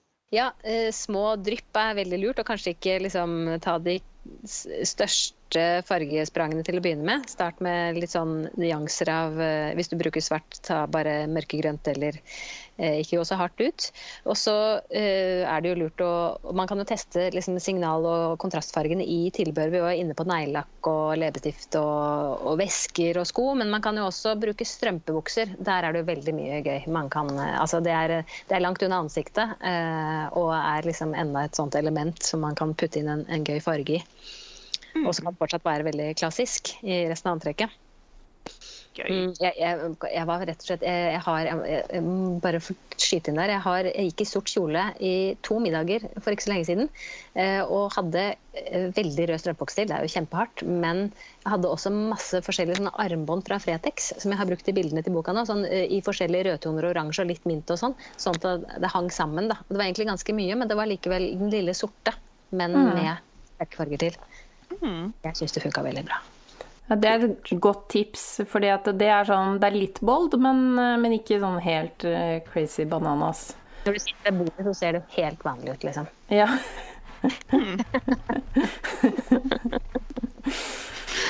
Ja, og så syns jeg det også var genialt det der en, eksperimentet du gjorde med, med de fargeprøvene, og at man kun kan samle en gjeng, og så kan man ha en liten sånn fargekveld og, Ja. og finne ut hva, hva hverandre syns hverandre kler. Det er jo litt artig å bare Ja. kanskje få øynene opp for det på den måten. ja, det syns jeg var skikkelig lurt. Ta med både hva man kler og hva man liker. Ja, ikke sant? Ja. man trekkes mot, og så kan man begynne å jobbe med hva man kler etterpå. Men liksom ta med de fargene man eh, får liksom bli glad av å se på, da. Mm. Mm. Da kan man jo putte de i en sko eller en strømpebukse hvis det ikke er sånn at det funker opp mot ansiktet. Mm. ja. Også en ting vi ikke har snakka så mye om, det er jo årstid i forhold til fargepalett. Fordi jeg innser at jeg ofte har eh, Jeg på en måte bytter ut de litt mørke basisfargene i paletten min med en lysere utgave av den samme fargen eh, på sommeren. Eh, nå blir jo ikke jeg brun på sommeren, men jeg ser på en måte mindre lysende hvit ut eh, på sommeren hvis jeg ikke går med flaskegrønn og vinrød. Så da kanskje jeg bytter ut vinrød med, med rosa. eh, Den rosa går jeg med hele året, da, men, men kanskje spesielt liksom det byttet at de, den, den, flaskegrønne blir til en mer gressgrønn. Og mm. Eh, altså mye av det går jo gjennom hele året, men akkurat enden av paletten, liksom, på det lyse og det mørke, gjerne kanskje uh, bytte litt på, da. Ja. Det er jo igjen uh, hva man føler for det. Jeg skjønner mm. akkurat hva du mener. Og samtidig så er jeg en som drar med meg uh, mintgarderoben min gjennom hele året. Ja. Også på bukser og sko og sånne ting. Men jeg, jeg, kan jo se at jeg kanskje lyser litt opp i sånne mørke gater. Men, uh, men jeg er litt lat òg. Mm. sånn til å drive og dele opp og Ja, nei, det ja. Mm. Det er egentlig bare de mørke fargene jeg gjør det med, har jeg begynt å innse. Fordi mintgrønn bruker Jeg har en mintgrønn ullkåpe som jeg bruker masse på vinteren. Så, men, men, det er spesielt de, der, de tyngste fargene som gjør bare, nå har jo folk skjønt at det nytter ikke å si til meg du må være ute i sola, fordi det er ikke det som er problemet. Men hele oppveksten så har det jo vært sånn. Ja. Har du ikke vært ute i sola, Mari? Kjenner da, og det hjelper litt da å ha litt lysere farger, for da får man ikke så mange kommentarer på at man er så lys. ja, og så er det jo en annen ting også når man faktisk er ute i sola, at mørke farger Det blir jo veldig varmt.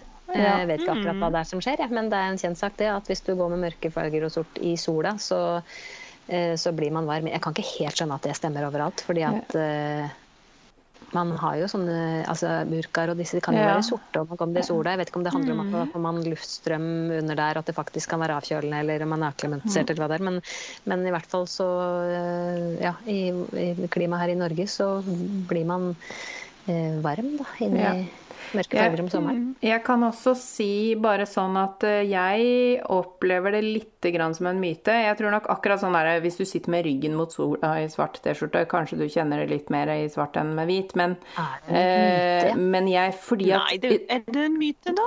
Men da, da er ikke det sånn eh, jo, da, fysikk men, at det reflekterer lys og ikke reflekterer lys? Sort, jo, og, sort og, hvitt? Eh, jo, altså teorien er jeg helt enig i, at du, hvis du setter ut en svart badebalje, så blir den fortere varm og sånn, men jeg har jo i to år av mitt liv bare gått med svarte klær.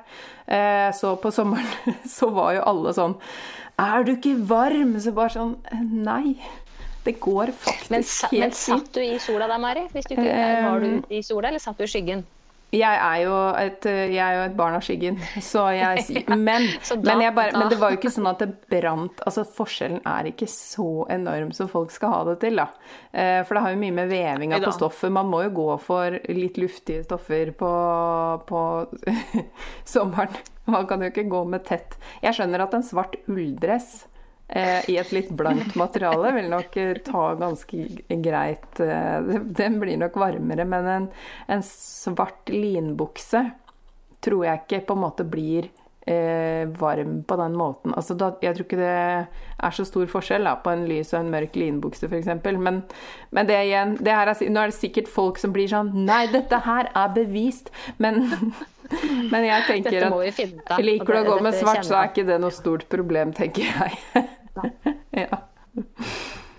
Man må jo lide litt også, eller hva? Ja, altså det er, når, det er varmt, når det er varmt, så er det varmt. Og sånn er det. man går med det man liker. Ja, man går med det man liker. ja, det ja. Mm. ja. Da håper jeg at dere har noen eh, saftige feil, fordi selv om jeg absolutt gjør mange feil, så har jeg eh, hatt så lite tid til å jobbe det, i de siste ukene, så jeg har ingenting friskt i minne eh, som jeg kan dele. Men det kommer det så mye av ellers, så jeg tenker det går bra. ja, altså jeg kan jo starte med min feil, da. Eh, mm.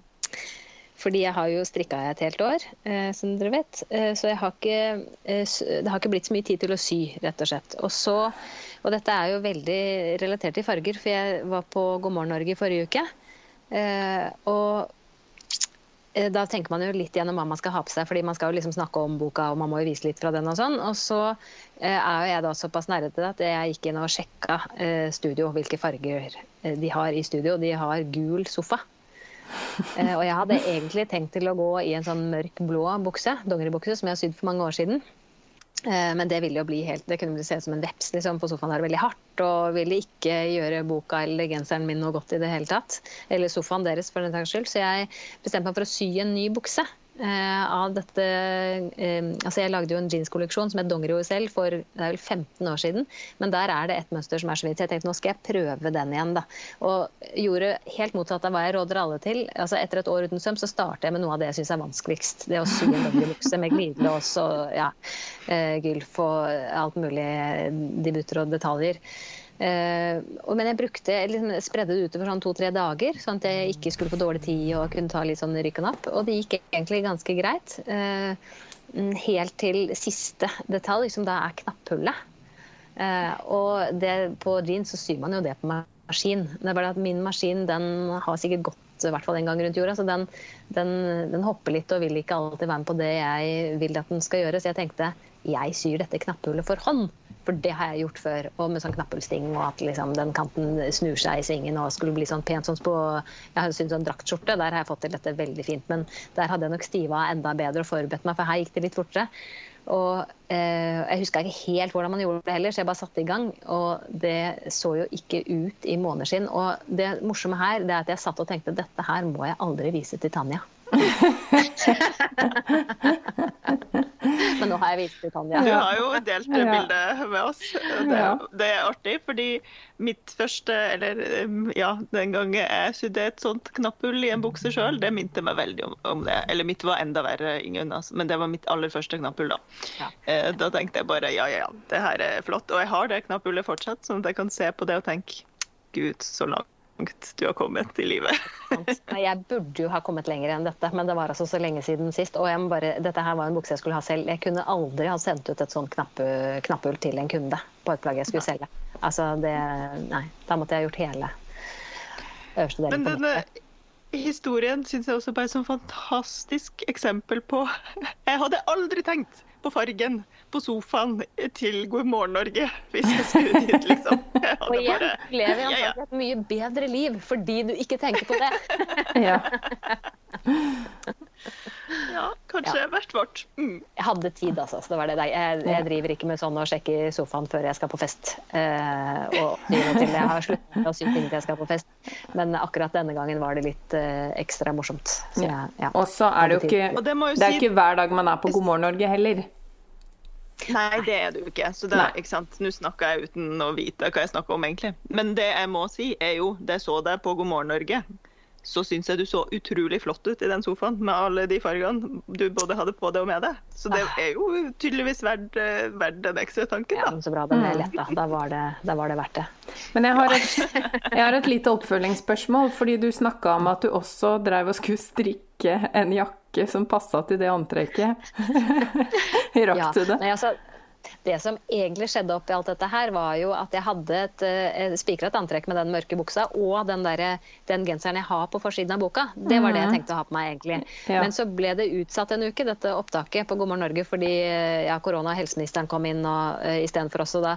Så det ble, det ble, en uke senere, og i mellomtiden hadde jeg stilt ut både den buksa og den genseren på hver sin utstilling, nede på, en på Husfliden glassmagasin og en borte på Nordli. Uh, ja. Sånn at jeg hadde ikke noen av disse tingene jeg skulle ha på meg lenger. Uh, og så tenkte jeg jeg kan jo alltid dra innom og hente, men det er så mye styr av tidlig på morgenen, sånn, så jeg tenker jeg, jeg strikker en ny genser. Eh, da, det er mye jeg, enklere å bare strikke en ny genser. Det er mye enklere å strikke en ny genser, ja. ja. Også, og det, er, det, var egentlig litt kort tid. Og, jeg, og den er ikke helt lik. Jeg, jeg, tok da også fordi den genseren som er ute på boka, den er egentlig litt for mørk til den buksa. Så det var ikke helt perfekt match uansett. Så derfor så strikka jeg akkurat samme genser, men med en litt lysere nyanse i hovedfargen på den genseren. Eh, men ehm, så ble jeg jo selv også syk i løpet av den uka. Fikk jo covid. Så jeg, jeg, fikk ikke gjort så mye som jeg hadde planlagt. Jeg, jeg mangla ett erme, da. Og det er sånn som jeg er ute på boka, så jeg kunne for så vidt stilt opp i det. Men, men jeg, jeg, tok en annen jakke der. Men nå har jeg strikka ferdig genseren, da. Så i ettermiddag når jeg skal ned på og signere bøker på, på Glassmagasinet, så skal jeg ha på buksa og den genseren som passer helt perfekt til. Så da Veldig bra. Alle brikkene ja. faller på plass. Ja, det faller på plass. Ja. Det blir veldig godt å bare få gjort det. Ja. Jeg, jeg, kan jo bekrefte at vi har ganske like hoder, eh, Ingunn.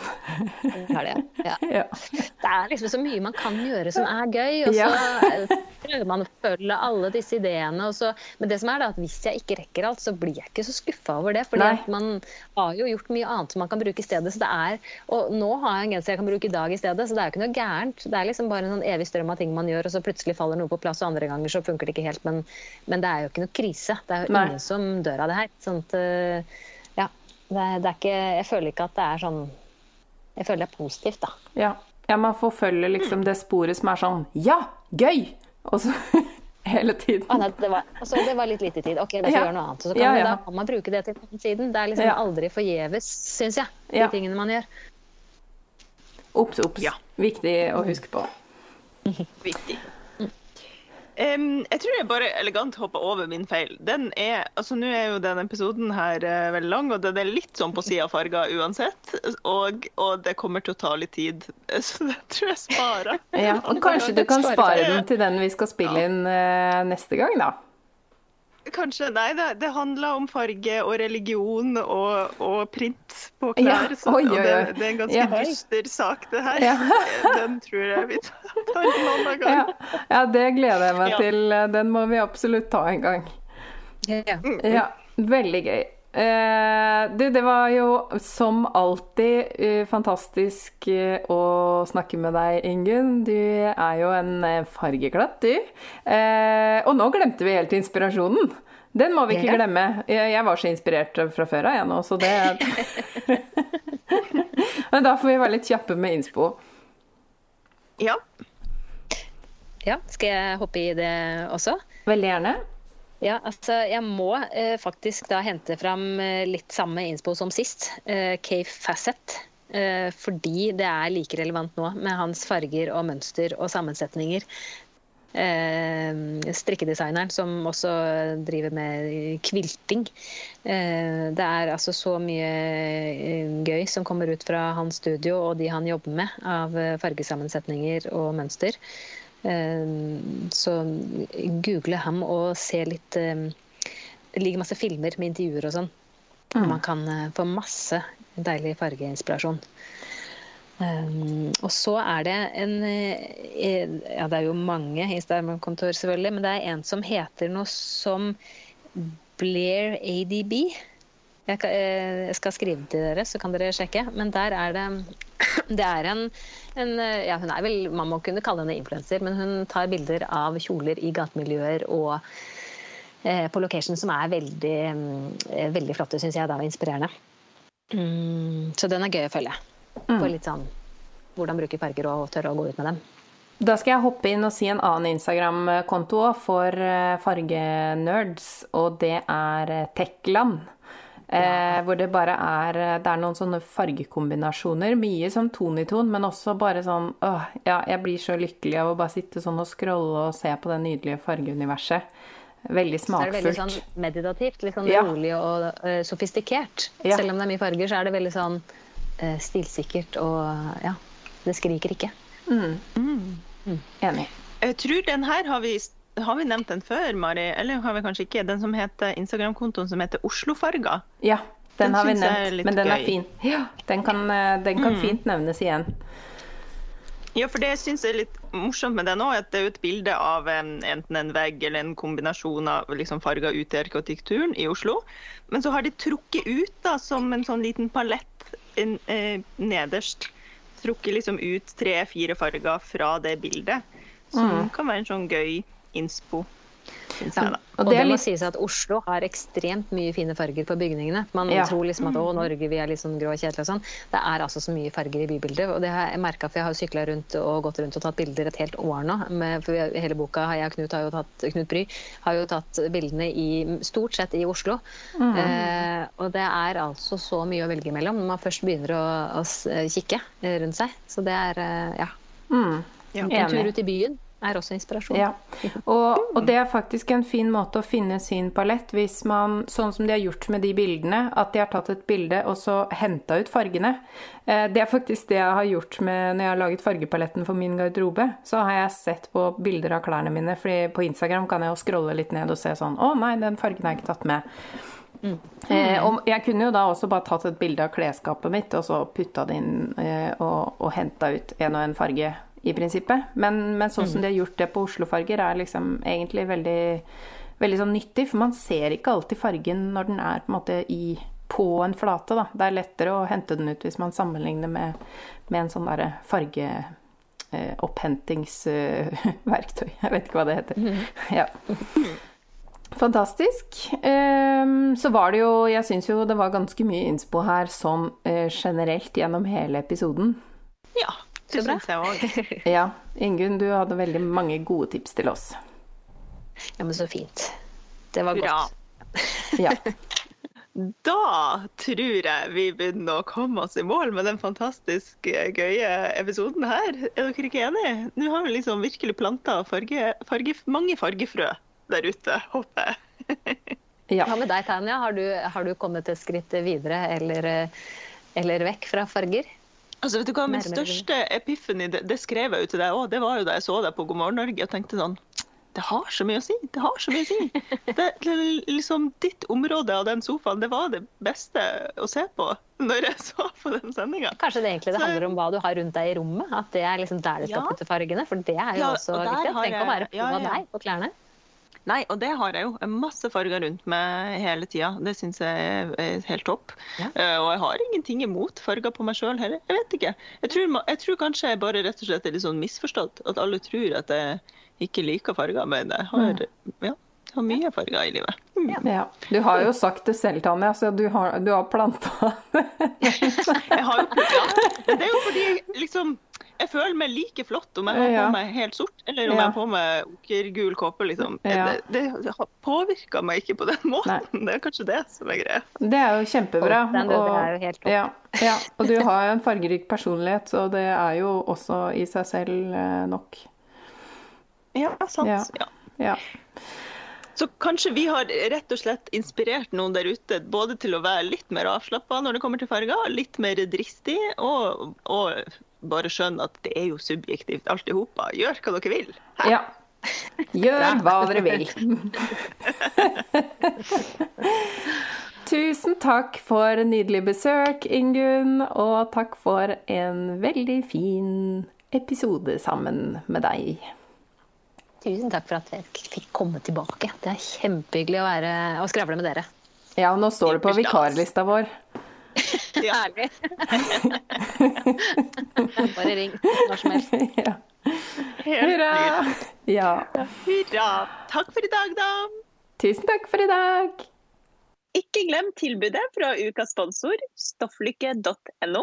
Bruk koden fargelykke og få 20% rabatt på ensfarga jersey, rib, rib-jersey, French terry og isoli. Og koden gjelder altså ut mars. Tusen takk for at du hører på Sømmelig podkast. Og takk til Andreas Prestmo i Wilthagen Studios for lyd og klipp. Og til Synnøve Overid for den fine musikken. Liker du kaffe? Det gjør vi òg. Hopp inn på patrion.com slash sommerlig og spander en månedlig kaffekopp på oss. Patrion.com slash sommerli